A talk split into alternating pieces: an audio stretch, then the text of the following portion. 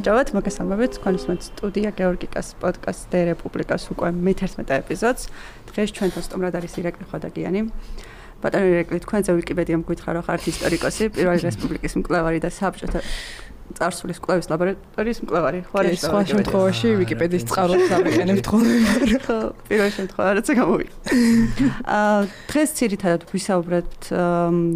საბჭოთა კლავის ლაბორატორიის წიგზე ინიციატივა ცვლილებისათვის სათემო და სამოქალაქო სოლიდარობის მაგალითები საქართველოსი საბჭოთა ოკუპაციამდე და ზოგადად გამხსნელი კითხვაც რო წიგნის შესახებ იყოს, რატო გადაწყვეტეთ ამ წიგნის დაწერა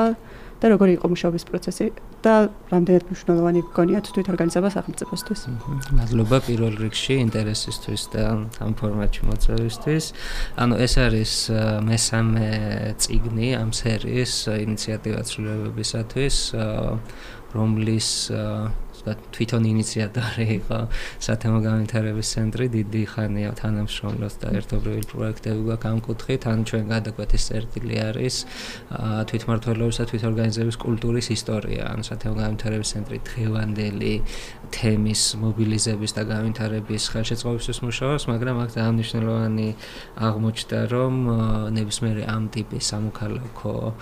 აა სოციალური პროცესისთვის ძალიან მნიშვნელოვანი არის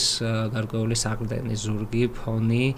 ისტორიული კუთხით, ხო, რომ რაღაცნაირად უნდა გზნობდე, რომ ისი ნაწილი ხარ შენ, ანუ რაღაც განგზობადი პროცესის ნაწილი თუ სრულიად რაღაც ნულიდან იწყებ გარკვეული საქმის კეთებას. და თვითმართველობის რეფორმის და საერთოდ კულტურის შემთხვევაში ეს ჩვენს რეალობაში აღმოჩნდა ძალიან შეამფერხებელი, რამდენადაც სისტემა და სახელმწიფო ძალიან მტრულად უყურებს დეცენტრალიზაციას და თვითმართველობას და აი ისტორიას იყენებდნენ როგორც ინსტრუმენტს ამის დასამკვიდრებლად, რომ ეს არ არის ჩვენი, ეს არასოდეს არ ყოფილა ჩვენი ისტორიის და ყოველდღიურობის კულტურის ნაწილი, ამიტომ არ უნდა გაგვირდეთ, რომ თითქოს არ მუშაობს ჩვენ საზოგადოებაში აი ეს თვითმართველობის აა წახალისების ცდელობები დღეს, ხო? და ამიტომ გადაწყვიტა სათემო განვითარების ცენტრმა და ასევე ჩვენც ჩავერთეთ ამაში, რომ მართლა უბრალოდ გვენახა, რომ არის ეს ჩვენი ისტორიის და კულტურის ნაწილი თუ არა, თუ არ არის ეს უკვე გაძლევს გარკვეულ ორიენტირს, რა უნდა გააკეთო, ან თუ იყო, მაშინ რატო გაქრა ესე? და როგორ შეგვიძლია ეს გავიხსენოთ და რა შეგვიძლია ვისწავლოთ ამ წარსულიდან. ამიტომ დავაწყეთ ეს ნელ-ნელა მუშაობა. პირველსავე ეტაპზე ორიენტირდით კონკრეტ კონკრეტული შემთხვევების კვლევაზე, ანუ кейსების, როგორც თანამედროვე ჟარგონზე იტყვიან ხოლმე, ანუ მე-19 მე-20 საუკუნის დასაწყისში საქართველოში რა ქვემოდან ორგანიზებული, ანუ დღეს რა ტერმინსაც იყენებენ grassroot ინიციატივები არსებობდა სხვადასხვა მიმართულებით, იქნება ეს კულტურული და საგანმანათლებლო ინიციატივები, იქნებოდა ეს სუბთა თვითმართველობისკენ მიდრეკილი გარკვეული პრეცედენტები თუ სამეურნეო ეკონომიკური თანამშრომლობის ორგანიზაციები და ფორმატები, რაც ძალიან პოპულარული იყო განსაკუთრებით მე-19 საუკუნის ბოლოს, მე-20 საუკუნის დასაწყისში და ანუ პირველ ჯერზე 10 აა ასე ვთქვათ ისტორია შევისწავლეთ, მეორე ტომშიც გავაგრძელებთ ამაზე მუშაობა და შემდგომი 10 მაგალითი და მესამე ტომი არის ცოტა განსხვავებული ფორმატის, რომელიც ანუ კონკრეტულ შემთხვევებზე არა, როგორც პროცესზე და ტენდენციაზე არის ორიენტირებული და ამ კვლევების შედეგად ნახეთ, რომ ფაქტობრივად ეს კულტურა თვითორგანიზების სამოქალაქო ინიციატივების სოლიდარობის აი ეს ტენდენციები და პრაქტიკა არის ესეთი განუყოფელი ნაწილი საერთოდ მაშინდელ საქართველოს საზოგადოებაში მიმდინარე მოდერნიზაციის პროცესის. გამდინარე იქიდან რომ ეს არის სწრაფვა დემოკრატიული თავისუფალი ჰუმანური დასავლური ყაიდის საზოგადოების და სახელმწიფოს ფორმირებისთვის რომლის ორგანული ნაწილია თვით მართლობა, ანუ თვითორგანიზება ყველა ოფიციალური თუ არაოფიციალური სტრუქტურის მშენებლობა ქვემოდან ზემოთ.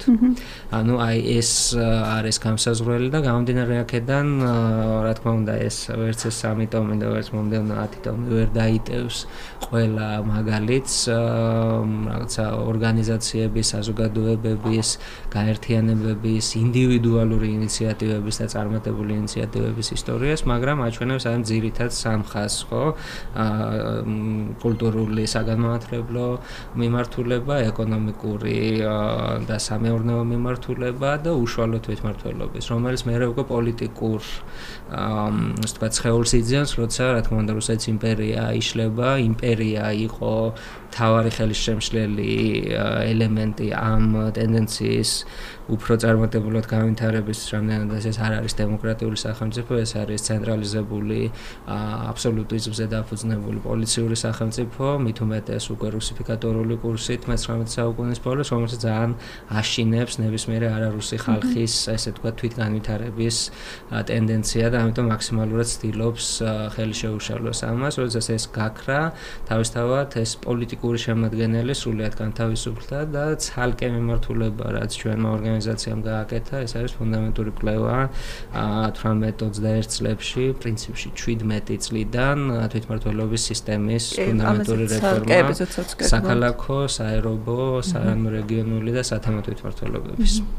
ცალკე ეპიზოდიც გვინდა თვითმმართველობის კულტურასთან დაკავშირებით. და აი მოდერნიზმი ახსენეთ და ჩემთვის აი განსაკუთრებით პირველი ესეი რაც შედის მე მგონი თქვენი არის კონკრეტულად და ის მაღალმთიანეთში როცა ეს ავი მავნეჩვევების გადაყვარა მუშორება და საქველმოქმედო წესები ერთ ჩანაცვლებაზე ფიქრობდნენ და აი ეს მოდერნიზაციასთან იხატება, რომ აი რა რა კავშირია ეს დავინტერესდი, იმიტომ რომ განსაკუთრებით მე მაგალითად ყური მომჭრა აი მოძველებული ტერმინები რაც იყო, რომ აი ცუდი მავნე ჩვევა რაღაცა, ჩამორჩენილობის რაღაცების და თითქოს ეს ესეთი თაბერტლება დამრჩა მე არ ვიცი რამდენი ისტორია და მაგიტო გეკითხებით, რომ აი იქამდე სანამ მოდერნიზაციის პერიოდი დაიწყო და თითქოს ეგ განცდა რომ ეს რაღაცა მოძველებულია, ჩამორჩენილია არ იქნებოდა და ეს რეფერირების წერტილი რა არის მაგ შემთხვევაში და აი როგორი რა კავშირია თვითონ ეს ხო რაღაცას ჩამორჩას ეგი ხო და რა ეს არის ხსენებული ან მოდერნიზაციაზე როცა ლაპარაკობთ, აქ ეს პროცესი იწყება ზემოდან ქვემოთ, ანუ აა განათლებული აა თაობიდან ახალგაზრდებს რომელმაც მიიღეს აა საშუალო თუ უმაღლეს განათლება იმ დროისთვის თანამედროვე განათლება და ეს არის დასავლური ევროპული ყაიდის განათლება და არსით რა თქმა უნდა ისინი არიან ამ ცივილიზაციის ნაწილად გრძნობენ თავს და უნდათ რომ მთელი მათი საზოგადოება და ქვეყანა მარტივად რო თქვათ იყოს ამ ცივილიზაციის ორგანული ნაწილი რაც იმ დროისთვის საკმაოდ ესეთი დიდი გამოწვევა რამდენადაც ფაქტობრივად საქართველოს კავკასიაში და მაშინ რუსეთის იმპერიაში შეიძლება ვთქვათ პროცესები ცენტრალურ აღმოსავლეთ უფრო დასავლეთ ევროპას ფაქტობრივად ერთ საუკუნით ჩამორჩება. ანუ რასაც ისინი საუბრობენ უკვე რომ რაღაცა მოძველდა, რაღაცა წარსულს უნდა ჩაბარდეს, ფეხი უნდა აუწყოთ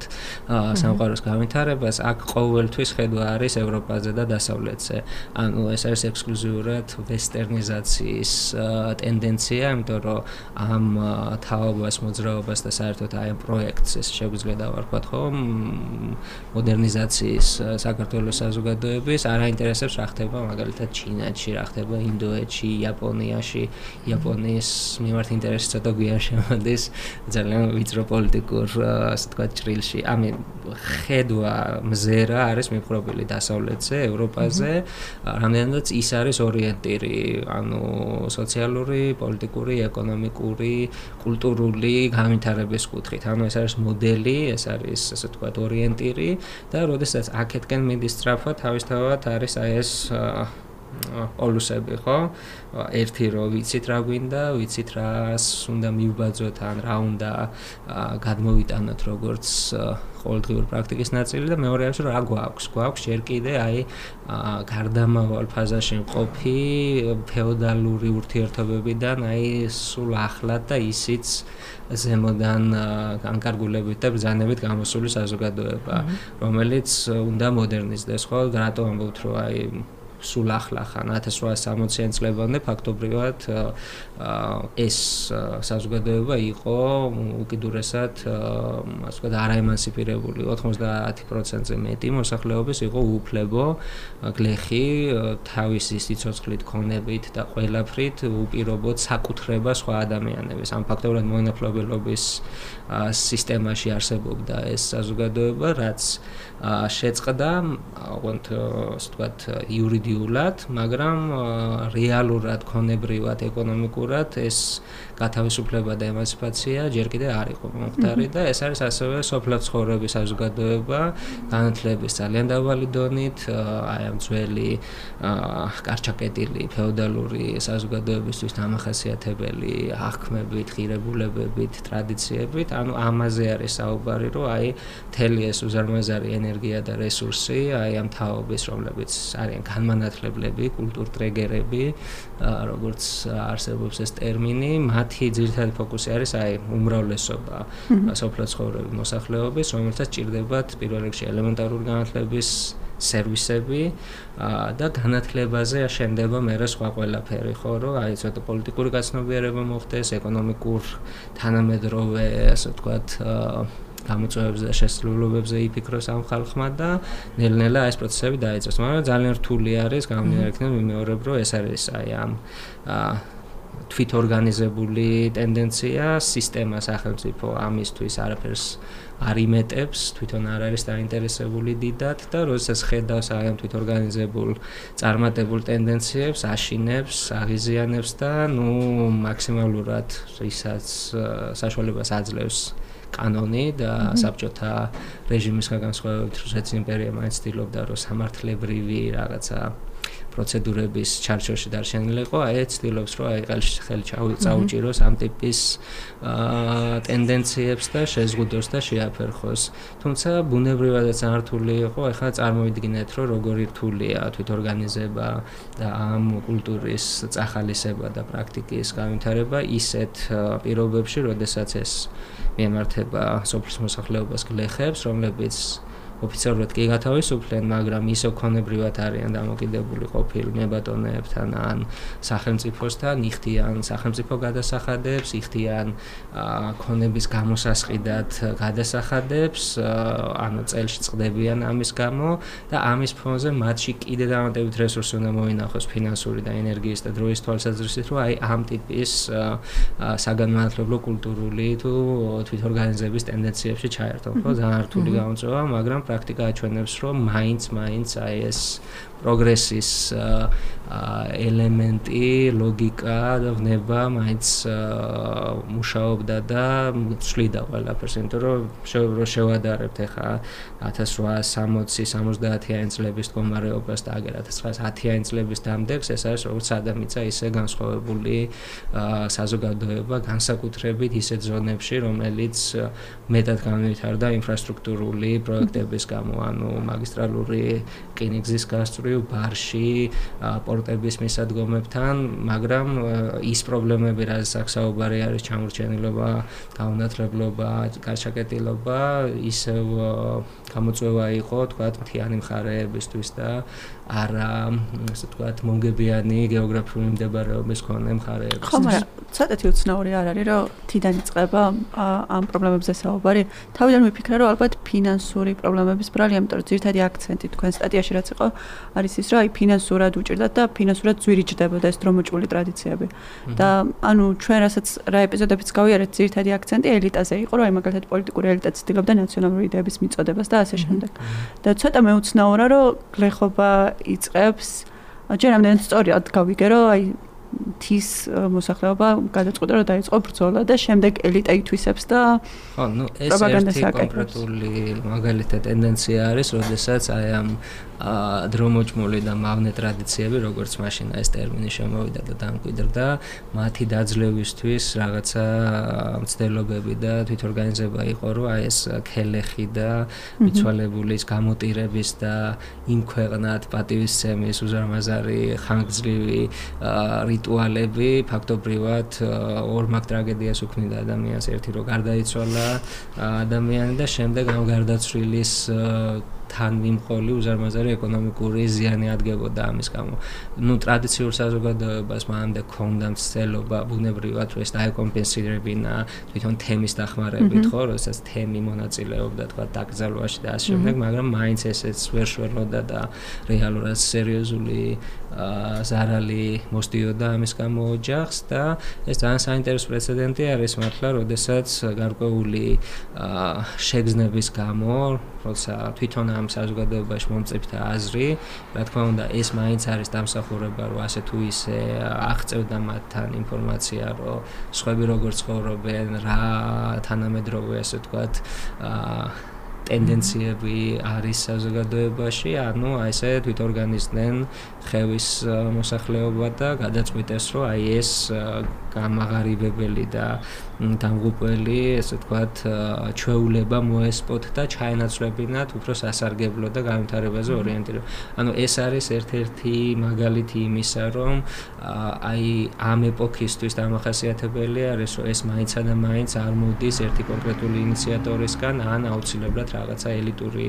ჯგუფებისგან, ანუ აი ამ განვითარების და ცვლილებების ტენდენცია, ანუ თვითონ იბადება კიდევაც საზოგადოებაში ამისთვის მოთხოვნა და მზაობა და ნუ კარგი მაგალითი აღმოჩნდა, ანუ ჩემთვის მოულოდნელობა იყო, ასე ვთქვათ, სანამ კვლევას დავიწყებდი ამ ტიპის ცნობები მუდმივად ხდებოდა პრესაში, ასე ვთქვათ 1900-იან წლებიდან ზემოთ, რომ აი ქელეხის მაგიერ საქველმოქმედო საქმეს შევწიროთ, აი ეს ხარჯი რაც უნდა მოსვლო და რაღაცა საერო თუ საეკლესიო დღესასწაულის ხარჯები, ასევე სკოლის მშენებლობას თუ მოსწავლეების დაფინანსებას მომხმარებოდა, ანუ ეს იყო უკვე შემდგარი ტენდენცია და როდესაც უფრო და უფრო ქვემოთ და ქვემოთ ჩავყევით, საიდან მოდის პირველ პრეცედენტები სათფიქსირდება, აღმოჩნდა, რომ აი სულ პირველი იყო ესე თვითონ აი მთის ამ კუთხის მოსახლეობის ინიციატივა, რომ რაღაცა შეეცვალათ ამ კუთხით და ძალიან ესეთია რა ძალიან შთამაგონებელი რომ შეგვიძლია მუდამ კონდეს ეს მაგალითად რომ ანუ საზოგადოება თვითონ რაღაც მომენტში მომწიფდება იმისათვის რომ ცვლილებებისთვის არა თუ ღია და გახსნილი იყოს არამედ თვითონვე გახდეს ინიციატორი ყოველგვარი რაღაცა gare ზემოქმედების და რაღაცა ასე თქვათ განმანათლებლური ზემოდან წამოსული რაღაცა განვითარებული განათლებული ელიტების დახმარების garaშე და უკვე ცნობიერებს ეს ნაწილი საზოგადოების რომ რაღაცა უნდა შეიცვალოს უკეთესად. მაგ კუთხით მაინტერესებს მე რომ გაგებით რომ აი წნეხზე თქვათ რომ აი უბრალოდ რახან მან ისეთი პოლიტიკა იყო და მაგ სტატიაშიც ჩანს რომ აი რუსა გაზეთში წერენ რომ აი ნახეთ ჩვენ რო ველურებს ვეძახით რეალურად ესეთი ის გააკეთეს ამათმა გაგვასტრეს ასე თქვა და ეს წნეხი რამდენ შეიძლება და ყოფილიყო მისი მან მაღალმთიანი საზოგადოების მამოტივირებელი რომ შეიძლება ცენტრი როგორც თბილისი როგორც ცენტრი მათ აი ეს ველურება დაღიქვაოდა და რაღაც გადაგვარებულ ხალხთან როგორც რუსეთის პოლიტიკა როგორც ვიცი იყო მაგ პერიოდში ეგეთი. ანუ ამ შემთხვევაში იმპერიის პოლიტიკა ნაკლებად არის რელევანტური, ანუ აი ეს აა ვთქვათ ქალაქიდან და დაწინაურებული პრივილეგირებული ან განათლებული და აქტიური ნაწილი საზოგადოების ხედვა შეიძლება დამბნეველი იყოს ხო? ახლა ჩვენ საიდან ვსწავლობთ და ვიკვლევთ ამ პროცესებს ხო? ეს არის პრესის მასალები, პრესას ვინქმნის, ხო, ის ადამიანები, ვინც აი ამ ჯგუფს წარმოადგენენ, ანუ წერა-კითხვისოდნე განათლებული, აი ამ პროცესში ჩართული ადამიანები, მათი თვალით ხედავთ ჩვენ რო როგორ ცხოვრობენ, მაგალითად, რაჭის მოსახლეობა იქნება ეს თუ მესხეთის თუ აჭარის თუ ხევსურეთის და მთიანეთის, ანუ ეს ცოტა რთული მომენტი არის, რომ ჩვენ შევძლოთ უკვე ამის ალტერნატიულად შევხედოთ, ოღონდ. ამისთვის ძალიან წირი წყაროებია გამომდინარე იქიდან რომ თუ საზოგადოება თვითონ არ ქმნის ამ ინფორმაციას მათი ხედვა და მათი ხმები პირდაპირ ძნელია რომ მოვიპოვოთ. ანუ ბევრი სხვადასხვა ფრაგმენტის მოძიება და შეჯერება გვიწევს ამ რეალობის აღსადგენად და რა თქმა უნდა აქაც არის გარკვეული აა შიდა მსგავსება პარალელიზმი რომ იგივე ამ მთის თუ ცენტრისგან დაშორებული პროვინციას როგორც ეძახდნენ ხო? საზოგადოებების შიგნითაც არის იგივე პროცესი რომ არის მცირე ჯგუფები ადგილზე მეტნაკლებად განათლებული წარმატებული აქტიური მოქალაქეების რომლებიც მეორე ანუ თვითონ შიგნით ცდილობენ იგივე პროცესები დაძრან და ანუ ეს გარკვეული ესეთი დაქსელილი არის ამ კუთხით ხო? ანუ ვთქვათ, არსებობს მასწავლებელი თუ ექიმი თუ არ ვიცი, რაღაცა პოსტის მოხელე, რომელიც აქტიური მოქალაქე არის და ის თავის საცხოვრებელ სივრცეში ცდილობს რომ აიყოლიოს მოსახლეობა რაღაცა არაფორმალური განათლების კერა შექმნას და ანუ ესეთი პრინციპით მიდიოდა მუშაობა და რა თქმა უნდა შემდეგ ხდება საერთოდ აი ამ მთელი საქართველოს დაქსელვა პრესა ძალიან დიდ როლს თამაშობს ამ კუთხით. გამდინარეიდან რომ ის არის თავარი მედიუმი როდესაც უკვე ეს კარჩაკეტილობა ირღვევა ხო? გურუი ის სოფელში მცხოვრებმა ადამიანმა უკვე პრესის საშუალებით იცის რა ხდება თქვათ დუშეთის მაზრაში თუ იგივე ამ ხევში. ანუ ეს უკვე აი საინფორმაციო ერთიანობის განცდას ქმნის და აი აქ უკვე ყველა ამ ხარეში მცხოვრები კორესპონდენტი რომელსაც აქვს სურვილი და ნება აი თავისი საცხოვრებელ გარემოში რა ხდება ის გააცნობს ხებს თუნდაც მარტო ამ ინტერესის გამო რომ აი თავისი კუთხის ამბავი მოუყვეს გაზეთის რედაქცია ინფორმაციას, აი ამ მერე ამ საერთო დიდი სურათის მონაწილე ხდება და აი ამ საინფორმაციო დიდ ერთიან ველს ქმნის და ანუ ეს ქმნის მერე ამ ახალ იდენტობას, თანამედროვე ნაციონალურ იდენტობას, რომ ერთი ვართ, ხო? ერთ ენაზე ვლაპარაკობთ, ერთი წარსული გვაქვს, ერთი გამოწვევა გვაქვს ეხლა და ანუ ესე იკრება ინფორმაციულად მთელი მასშტაბი საქართველოს და რა თქმა უნდა, როცა უკვე ეს ეკონომიკური პროცესები უფრო და უფრო ასე ვთქვათ მასშტაბური ხდება და ეს ამოძრავდება მთელი ეს ნაკადები მოსახლეობის თქვა დიდ ქალაქებში ხდებიან რკინიგზის მუშაობაში არიან ჩართული სავაჭრო მიმოსვლა უფრო აქტიურდება უკვე ფიზიკურადაც ეს აახლოებს ადამიანებს ერთმანეთთან და რაღაცა ამერთიანობის განცდას უფრო ხელშესახებს ხდის. ანუ რეალურად ეს არ არის მარტო აი ამ თვითმართველობის და ინიციატივის კულტურის განვითარება ეს არის ასევე თანამედროვე ერის მშენებლობის დიდი პროექტის ნაწილი ერთ-ერთი ერთ ინსტრუმენტია ამის. ხო, აი მაგაზე ზუსტად კითხვა ქონა, მაგრამ რაღაცნაირად შეეხეთ, რომ აი ზუსტად ეს თვითორგანიზაციები როგორ ქმნის რაღაცნაირ კომიუნიტის, რომელიც აი მართლაში გაგრძნობინოს, რომ რაღაცის ნაწილი ხარ, იმიტომ რომ ეს მასშტაბურად რო ქვეყნის რაღაც ეროვნულობის ნაწილი ხარ, თულია გაიაზრო. ხო, უბრალოდ ცხადია, რომ ის დაშვება არ გვაქვს, რომ მანამდე არ არსებობდა თვითორგანიზება, სანამ სამოქალაქო ნაციონალიზმი გაჩნდებოდა. ცხადი ახასიათებდა და უბრალოდ ჩემი რაც წავიკითხე იქიდან გამომდინარე სხვანაირი სპეციფიკა აქვს. ხო, ანუ ძველ საზოგადოებაში სხვა ტიპის თვითორგანიზება არსებობდა, ან ისე რომ დაუბრუნდეთ აი მოდერნიზაციის პროცესებამდე არსებული საზოგადოების უმრავლესობა არის სოფლის მოსახლეობა, ეს არის ჩაკეტილი ასე ვთქვათ ლოკალური სამეურნეო და სოციალური ერთობები, ეს ტრადიციული საზოგადოება, რომლის შიგნით რა თქმა უნდა არის ეს სოლიდარობის და თემური თანაცხოვრების და თანამშრომლობის გამოცდილება უძველესი დროიდან მოყოლებული აი შუა საუკუნეებიდან, აგერ მე-19 საუკუნე მერეც ინერციით აგრძელებდა არსებობას, თქვათ შრომითი დახმარება, ურთიერთდახმარება, ანუ როდესაც თემი ერთიანი ძალით კონკრეტულ ადამიანს ეხმარებოდა ან საერთო ამოცანას გადაწყვეტდა ხოლმე იგივე აი ამ უბედურების ან ტრაგედიის შემთხვევაში დახმარება და ასე ვთქვათ სოლიდარობა ადამიანის მიმართ საერთო თემური საკუთრების გარკვეული ფორმებიც არსებობდა საქართველოში რომ რაღაცა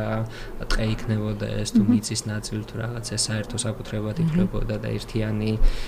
ძალით ხდებოდა მათზე მუშაობა. ონ ეს არის ძალიან ესე ვთქვათ ცალ ცალკე არსებული ჩაკეტილი ამ კონკრეტული პატარა საზოგადოების შიგნით არსებული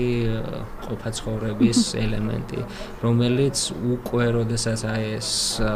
საერთო და გლობალური პროცესები და ახალი იდენტობის მშენებლობა იწყება, იმისთვის ძირითადად გამოუსადეგარი აღმოჩნდა, იმიტომ რომ არ იყო ესე გათვლილი და გათვალისწინებული, რომ ეს ყოფილიყო აი ამ თემის ფარგლებს იქეთ სხვებისთვისაც საინტერესო მიმ მზიდველი და ის რაც სიცოცხლის უნარიანი იყო ამ ძველი ტრადიციები რა თქმა უნდა გადარჩა. აი ეს ტენდენცია რაც საუბრობთ რომ რაღაცა ნაწილი ცხადდებოდა რომ ეს არის ძველი უსარგებლო ჩამორჩენილი მავნე ტრადიცია, ამ ეს არ ეხებოდა ყველას, ან იქ ხო საუბარი იმაზე, რომელიც რეალურად მართლა ფიზიკურად აზარალებდა ადამიანებს და ეს არ იყო რომ აი ყველა რაც არსებობს ჩვეულება და ტრადიცია ეს არის ცუდი. ანუ რაც იყო სიცოცხლის უნარიანი და დადებითი ტენდენციის ქონე, ის შენარჩუნდა, მოერგო ამ ახალ რეალობას და რაც იყო ეს მართლა რაღაცნაირად ჩამორჩენილობის ან ამ ჩაკეტილობის ამ ძველი ფეოდალური ყოფისთვის დამახასიათებელი ის თავისთავად ამ კამპანიების და ამ საგანმანათლებლო მუშაობის შედეგად გაქრა ან უკან დაიხია ან თვითონ ბუნებრივად ამოწურა თავის თავიდან გაქრა. ამ კონტექსტში ეკლესიის როლი, მართლმადიდებლური ეკლესიის როლი ჩემთვის ძალიან საინტერესოა, იმიტომ რომ სტატიაშიც ძირთადი აქცენტი კათოლიკურ ეკლესიაზე და სრომხურ ეკლესიაზე იყო, რომელიც უკვე ცდილობდა, რომ აი ამ პროცესში ჩართულიყო და ეთქვა, რომ თქვა ეს დრომოჭმული ტრადიციები ცუდია და შეგვიძლია თქვა რაღაც სამოქალაქო ცნობიერებაზე ვიფიქროთ ეს შემოწირულობა ქვეყანას მოახმაროთ, თუმცა მართლმადიდებლური ეკლესია სამწუხაროდ ნახსენები არ იყო. და თან თანამედროვე ტენდენციასაც რო უყურებ შეიძლება იმიტომ რომ მართლმადიდებლურ ქვეყანაში ვცხოვრობ და სუბიექტური თვალი მაქვს და კრიტიკული უფრო იმის მიმართვა რასაც ხედავ. თვით ორგანიზების კულტურა ნაკლებად არის თუ სხვა ეკლესიებს შევადარებთ და აი რატო ხდება ეს ამ პროცესებში ჩაერთვა რამენაირად ჩვენი ეკლესია? ის იმ პერიოდთან დაკავშირებით ამას მარტივი მიზეზი აქვს, რომ განსხვავებით სამხური და განსხვავებით კათოლიკური ეკლესიისაგან საქართველოს მართლმადიდებელი ეკლესია როგორც ასეთი არ არსებობს. ის გაუქმებულია, ეს არის რუსეთის მართლმადიდებელი ეკლესიის ნაწილი, რომელიც არის ასევე სახელმწიფო იმპერიის სისტემის ფაქტობრივად ორგანული პოლიტიკური შემადგენელი და არის აქტორი, აგენტი შეიძლება ითქვას აი ამ იმპერიული მართლობის. აა ასე ვთქვათ, ასევე ცენტრალიზებული ძალიან ნუ ახლა ვთქვათ რელიგიური იერარქია ისედაც ასეთი იერარქია არის და ავტორიტარულია თავისი არსით შეიძლება ითქვას იმ პერიოდის და იმ რელიგიის რაზეც საუბრობთ და მით უმეტეს ეს არის რუსული და რუსიფიკატორული. ამიტომ იქ რაღაც ამ ტენდენციის დანახვა რომ აქ კავკასიაში და საქართველოში რუსეთის მართლმადებელი ეკლესიის შიგნით იყოს შეგზნება, გაგება და მზაობა რომ აი ხა ეკლესია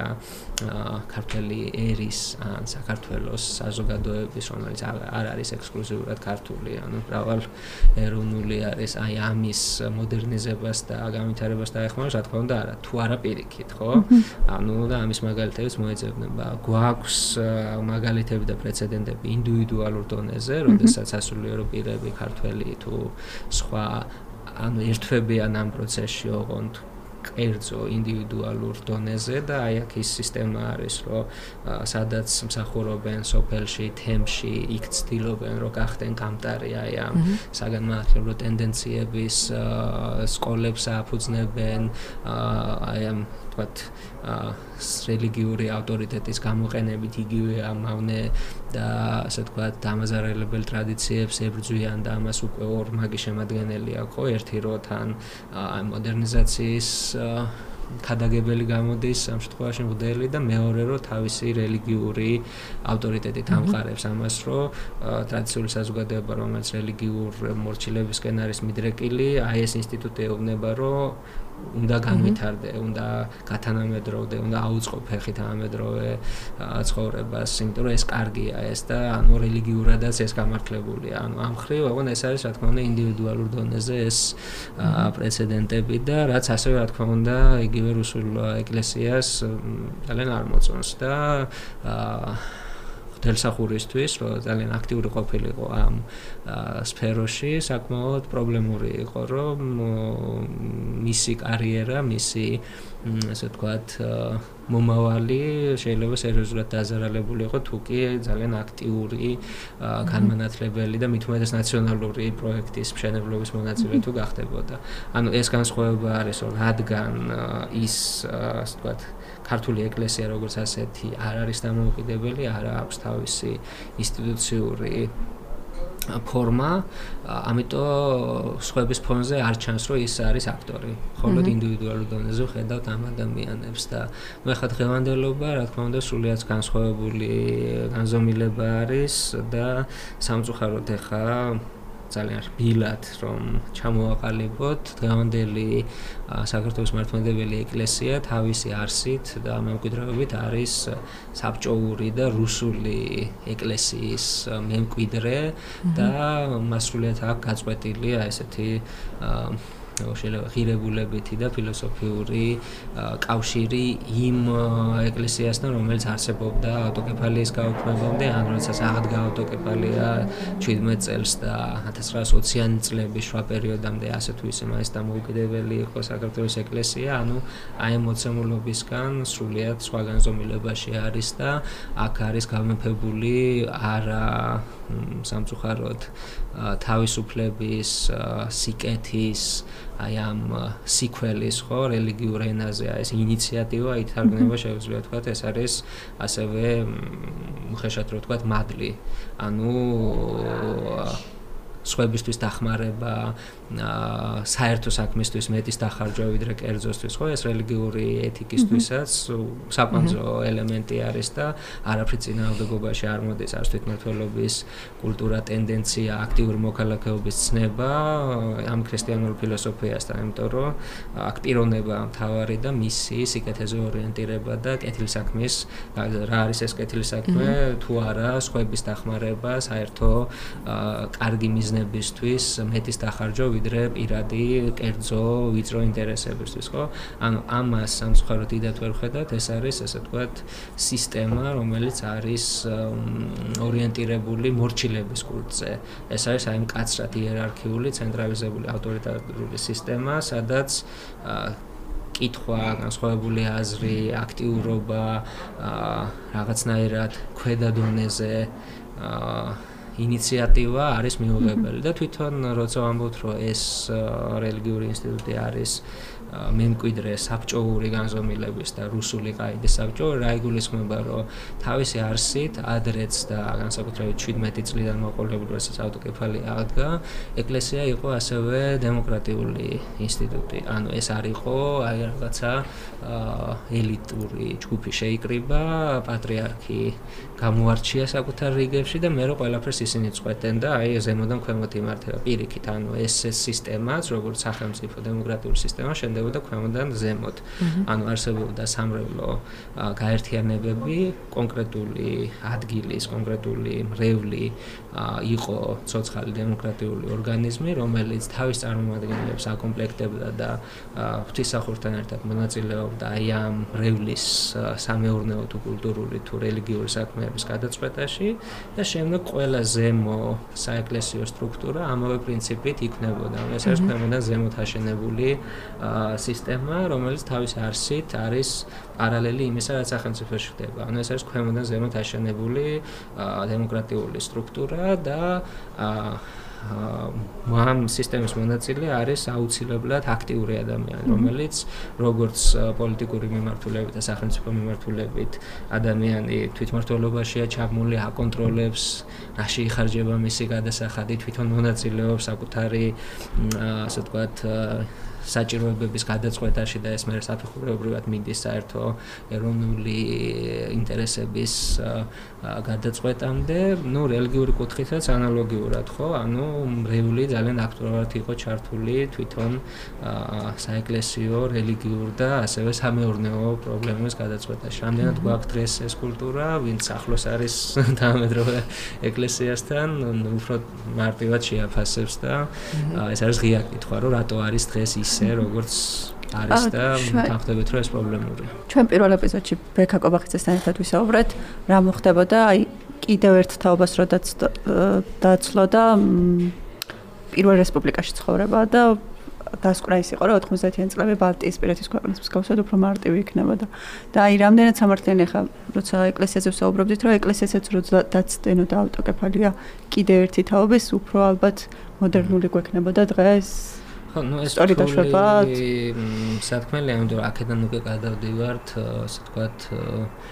თეორიაში და რაც პარალელურ რეალობაში, რაც ისტორიკოსების საქმე არ არის. თვესის ყველა ისტორიკოსი. ანუ რა არის ერთი ელემენტარული ცვლადის სხვანაირად გამეთარება ჯაჭვური რეაქციით სულიად რაღაცა გაუთვალისწინებელი და არ უბრალოდ პარალელი თუ არსებობს ეგ მაინტერესებს ხო და ნუ ანუ ჩვენ ერთადერთი რაც შეგვიძლია არის რომ ახლა შევხედოთ ძალიან ახლოს მდგომ მაგალითებს საზოგადოების და სახელმწიფოს და რეგიონულ ჭრილში და საერთოდ აი ამ სოციალური და პოლიტიკური პროცესების ირგვლივ განვითარების ჭრილში როგორი პერსპექტივა შეიძლება ყოფილიყო ხო და ამ კუთხით რა თქმა უნდა ცხადი არის რომ დროს აქვს მნიშვნელობა ხსენებული ბალტიისპირეთის ქვეყნები თუ ცენტრალური და აღმოსავლეთ ევროპის ქვეყნები გაცილებით ცოტა ხნის განმავლობაში იყვნენ ტოტალიტარიზმის ქვეშ ნაცისტური და საბჭოთა რუსული ტოტალიტარიზმის ქვეშ ვიდრე ჩვენ მაგალითად და ერთით ნაკლები თაობა ეს ვთქვათ შეესწრო შეიძლება ითქვას ამ სისტემის კრიზის და ეს ცოცხალი გამოცდილება მიხსიერება არსებობდა რომ ვინ ვიყავით და რა გქონდა და რა უნდა აღვადგინოთ ჩვენთან ეს სრულიად გაწყვეტილი იყო ანუ როდესაც საბჭოეთი ინგრეოდა ძალიან მცირე პროცენტი იყო საზოგადოების რომელსაც გაცნობიერებულ ასაკში ეცხოვრა საბჭოთა რუსული ოკუპაციამდე და რომელმაც ორგანულად იცოდა რომ როგორი უნდა იყოს სხვა სახელმწიფო და სხვა სისტემა და რა არის ამისთვის საჭირო. ანუ ამ კუთხით სერიოზული, ასე ვთქვათ, აა გამოწვევა და ჩავარდნა იყო ბუნებრივად, ხო? ეხა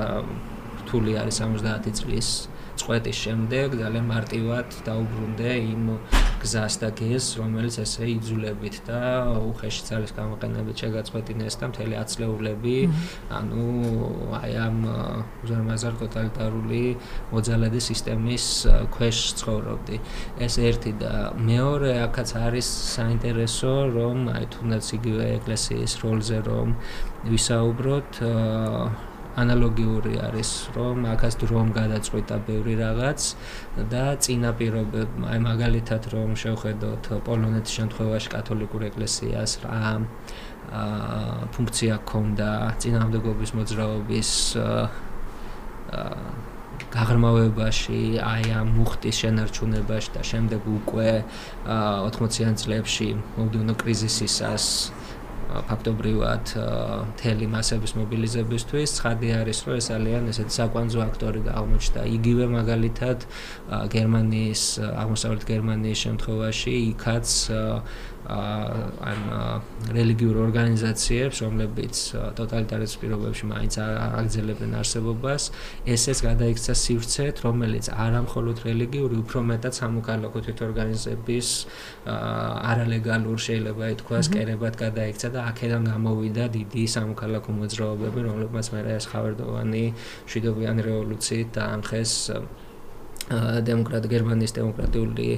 რესპუბლიკის ანუ სოციალისტური პარტიის დიქტატურის რეჟიმი. ანუ ამ ხრივადაც საინტერესოა რომ შევადაროთ ჩვენი გამოცდილება რომ ქონდა თუ არა საქართველოს ეკლესიას ამის რესურსი მაგრამ სამწუხაროდ ფაქტობრივად 20-იან წლების შუა პერიოდში ტოტალიტარული რეჟიმმა ძალიან დიდი ძალისხმევა დახარჯა და დიდი ოპერაციები ჩაატარა რომ ან ფიზიკურად გაენეიტრალებია ამ პოტენციალის მქონე პირები ეკლესიის შიგნით, რომელიც სუსტი იყო, პირდაპირ შეიძლება ითქვას, ანუ ავტოკეფალიის არარსებობის და რუსეთის ეკლესიის ნაწილად ყოფნის გამო მთელი საუკუნის განმავლობაში საერთოდ ეს აცდენა იყო ქართულ ეკლესიის გაგებასა და მოსახლეობას შორის, რომელსაც არ ყავდა ქართველი მღვდელი, როგორც ასეთი რუსულ ენაზე იყო წირვალოცა რუსულ ყაიდაზე იყო ყველაფერი გადასული. გათავისუფლების შემდეგ ძალიან მცირე დრო იყო 17-დან 21 წლამდე, რომ აი ეს ვაკუუმი შევსებულიყო, რაღაცა პირველი ელემენტარული ნაბიჯები უკვე გადაგმულიყო და ახლა უკვე არის საბჭოთა რუსული ტოტალიტარიზმი, რომელიც როგორც საერთოდ ეკლესიას და რელიგიას თulis ასე ვთქვათ მიუღებელ რაღაცად და ანუ ანადგურებს მას ყველა აა მეთოდის გამოყენებით, ხო? ამიტომ ჯერ ფიზიკურად განადგურდა ამ პოტენციალის მქონე ადამიანები და უკვე 40-იანი წლებიდან რეჟიმმა შეცვალა თავის დამოკიდებულება და ფაქტობრივად შიგნიდან დაიმორჩილა ეს ინსტიტუტი, ანუ ამ იერარქიის ასე ვთქვათ თვითონ შექმნით იმ ადამიანების დაწინაურებით, რომელიც კონტროლებოდა რეჟიმის მიერ და ფაქტობრივად შინაარსი გამოაცალა და ყოველგვარი პოტენციალი გამოაცალა მართლმადიდებელი ეკლესიას, რომ ის ყოფილიყო რაღაცა საფრთხის შემცველი რეჟიმის წინააღმდეგ. ანუ აი ეს ფონი სამწუხაროდ არ გვაძლევს იმის საშუალებას რაღაცა ალტერნატიული რეალობა წარმოვიდგინოთ. ხა ვინაიდან დრო გვეწურება და უნდა შევაჯამოთ სავით ანუ ისე და თვით ორგანიზაციას რო დაუბრუნდეთ. უფრო აი ეს მასშტაბურობის საკითხი გვაინტერესებს და ჩვენ ხშირად აი რა განწყობაც და განცდაც გრჩება ხოლმე ნებისმიერ საკითხზე როცა ამ პერიოდს უბრუნდებით პირველ რესპუბლიკის პერიოდს და წინა მორბეთს გულისხმობთ. არის რომ რაღაც საკითხები რაც დღეს ცოცხლად გვაწუხებს იქ იყო ზუსტად ისე თითქოს ახლა მე გაჩერდა და ახლა გრძელდება და აი თვით ორგანიზაციის მხრივ ესეც ძალიან ცხადად ჩანდა სავით იმიტომ რომ აი ეს თუნდაც ქელახებზე და იმენზე ლაპარაკობდნენ ანუ დღესაც ჩაოლებრივად განხილვის საკითხია ხოლმე ხოლმე ეს და ამიტომ ასევე გითხავ რომ ეს მასშტაბურობის საკითხი მაინტერესებს პირველ რიგში რომ აი თქვენივე წყაროებიდან ჩანდა ხან რომ ხან საკმაოდ ეფექტურად მუშაობდა მაგრამ ზოგჯერ და ხშირად ვერ ხერხდებოდა საკმარის რესურსების მოძიება თქვა ნებისმიერი წამოწყებისთვის და აი თვითონ მასშტაბურობა იმ დროს რამდენად იყო და შემდეგ საბჭოთა კავშირის გამოსვლებამ რა ზეგავლენა იქონია ზოგადად ამ კულტურაზე ხო მასშტაბი რა თქმა უნდა სხვადასხვა პერიოდში განსხვავდება საწყის ეტაპზე 1870-იანი წლებიდან მაგალითად 60-70-იანი წლებიდან 90-იანების ბოლომდე, ხო? ეს პირველი ფაზა შეუძლია ეს წარმოვიდგინოთ. საკმაოდ მცირე იყო, ანუ ეს არის პირველი ინიციატივების და პირველი პრეცედენტების ხანა და ასევე გარემო არ უწყობდა ხელს ხსენებული სოციალური და ეკონომიკური მოცემულობის გამო, ნელ-ნელა ანუ ეს ბალანსი შეიცვალა 1900-იანი წლებიდან პირველ სოფლიო ომამდე, მაგალითად 1910-იანი წლების დასაწყისში ეს არის მაინც შეუძლია თქვა ბუმი საქართველოში ამ ტიპის ორგანიზაციების არსებობის განსაკუთრებით ვითარდება უკვე სამეურნეო ეკონომიკური ხაზი და კოოპერაცია და უკვე არის კონკრეტული სტატისტიკა და თვლილი სტატისტიკა საარქივო მასალებიდან რომ უკვე 1910-იანი წლებისთვის ფაქტობრივად 300-მდე კოოპერატიული საზოგადოება არსებობდა მთელ საქართველოში და მასში ჩართული ადამიანების რიცხვი მილიონზე მეტი იყო. ანუ ფაქტობრივად ყოველი მესამე ადამიანი რაღაცნაირად იყო აი ამ თვითორგანიზების ქსელის გარკვეული ელემენტის მონაწილე, საკმაოდ ისეთია ხო, მასში 3 მილიონი ნახევარიც არ არის მთელი საქართველოს მოსახლეობა და ანუ ეს აჩვენებს, რომ კონკრეტულად ერთი სამეურნეო ეკონომიკური კოოპერატიული საზოგადოების ქსელში, როგორც ან მონაწილე, ან მისი მომხმარებელი ჩართული ადამიანების რიცხვი არის ფაქტობრივად მესამედი მთელი მოსახლეობის, რაც ნიშნავს, რომ ფაქტობრივად თითქმის ყველა ადამიანს რაღაცა შეხება აქვს ამასთან. ეხლა რა თქმა უნდა, შეუდარებლად მაღალი არის საგამომათლებლო კულტურული საზოგადოებების როლი ამ დროს. აი ეხლა ყველა მიცის ეს წერაკითხვის გამართლებელი საზოგადოება, მაგრამ ესე სიგმოსეულად ამ ორგანიზაციის მუშაობას თუ შევხედავთ, რეალურად ის стереოტიპი, რაც წარმოუდგენია საზოგადოებას, რომ ამ ორგანიზაციამ ფაქტობრივად გამოიწვია კულტურული რევოლუცია, რეალურად ეს ნაკლებად არის ასე, ანუ ზუსტად ამ პერიოდში ხდება წერაკითხვის გამოცდილება საზოგადოება ის, როგორც დღეს წარმოუდგენია საშუალო სტატისტიკურ, ვთქვათ, მოქალაქეს, ანუ 1900-იანი, 1910-იანი წლებისთვის ხდება ესეთი ძალიან დიდი მასშტაბური ყველგან თავისი ექსელის კონე ფაქტორი მანამდე ძალიან უჭირდა ხსენებული პირობების გამო მთელი მე-19 საუკუნის მეორე ნახევარში. ანუ ამ ხრივ მასშტაბი რა თქმა უნდა იზრდება, მაგრამ არ არის ის, რომ აი თქვა 99% რაღაცნაირად ამაში იყოს ჩართული. ძალიან სერიოზული დარტყმა მიაყენა ამ კულტურის და პრაქტიკის განვითარებას პირველმა სოფლიო ომმა, ანუ ომის კატასტროფის, ადამიანების, ასე ვთქვათ, ცოცხლის აა შთანთქმის ეკონომიკური ზიანის გამო პირველი რესპუბლიკის პერიოდი არის კიდევ ახალი ეტაპი, როდესაც პირიქით თუ კი მანამდე რუსეთის იმპერიის დროს სახელმწიფო სისტემა იყო წინაღობა ასეთი ინიციატივებისთვის ეხლა პირიქით ანუ არა მხოლოდ ეს წინაღობა გაქრა, არამედ პირიქით სახელმწიფოც მოწადინებული არის რაღაცნაირად ხელი შეუწყოს ამ ინიციატივების განვითარებას, მაგრამ უკვე საბჭოთა რუსული ოკუპაციის და შემდეგ ტოტალიტარული სისტემის პირობებში ფაქტობრივად ეს ამისთვის არანაირი სივრცე აღარ დარჩა და პირიქით გახდა როგორც სასიკვდილო საფრთხის შემცველი. რატომ? იმიტომ რომ აქტიური მოქალაქე, ინიციატორი, რომელიც ასე ვთქვათ, სახელმწიფოზე არ არის დამოკიდებული და სახელმწიფო შემთხვევაში არის პარტია, განიხილება როგორც საფრთხე, განიხილება როგორც ტერი, იმიტომ რომ მას სხვა ღირებულებები აქვს, ის სხვა პრაქტიკის, სხვა ასე ვთქვათ, ფილოსოფიის განსახიერება არის ფიზიკურად, ამიტომ არ არის შემთხვევით რომ კონკრეტულ ისტორიებში ამ ინიციატივ აქტივების და ინიციატორების ესე წითელ ხაზად არის რომ ვინც ჯერ კიდევ იყო ცოცხალი საბჭოთა რუსულ ოკუპაციამდე შემდეგ მათი ფედი როგორ წარიმართა ხო? აბსოლუტურ უმრავლესობა რეპრესირებული იყო. ან დახვრიტეს ან გადაასახლეს ან ციხეში მოგდა გამომდინარე იქიდან რომ ამ სისტემისთვის ასეთი ადამიანი მოქალაქე მიუღებელია უფრო მეტიც ხო? როცა ვამბობთ ეს არის ტოტალიტარიზმი და ეს არის ვთქვათ, უზარმაზარ ბიუროკრატია, ცენტრალიზებული ძალადობაზე აშენებული ვერტიკალი და ეს არის პარტია თვითონ, ანუ პარტია კომუნისტური ბოლშევიკური პარტია მართავს ყველაფერს, თვითონ პარტიის შიგნითაც კი უკვე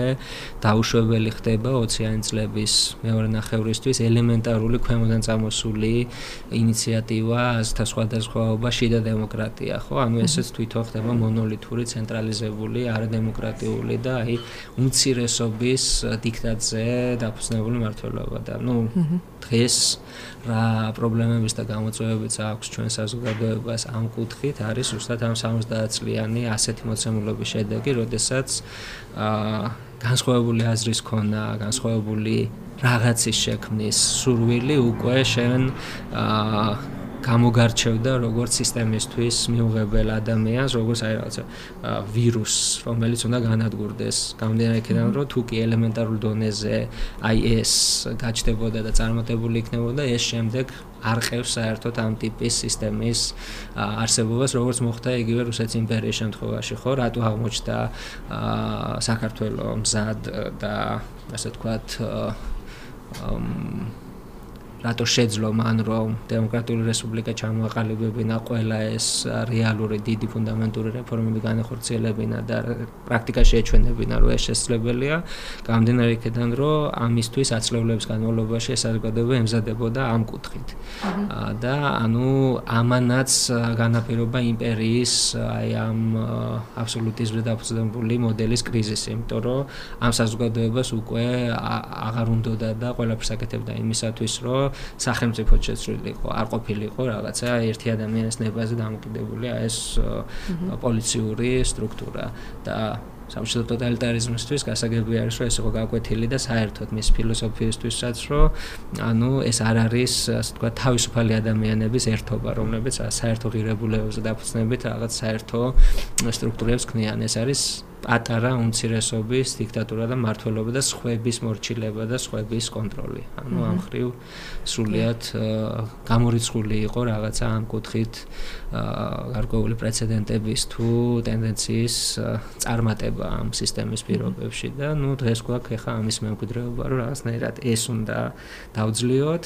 და აქ ამ წარსულის ცოდნა გვეხმარება რომ გავაცნობიეროთ რომ ჩვენ უნდა აღვადგინოთ რაღაც კი არ უნდა გამოვიგონოთ ან ნულიაგი არ უნდა დავიწყოთ ან საერთოდ რაღაც ესე მექანიკურად ამ უბრალოდ უნდა აღვადგინოთ ის რაც ბუნებრივად ვითარდებოდა და ის რაც ბუნებრივად იყო ნაწილი ევროპული და დასავლური კულტურის და ცივილიზაციის იმ პერიოდში. მადლობა ძალიან დიდი. მადლობა ჩვენს მენასაც როგორც მენდა.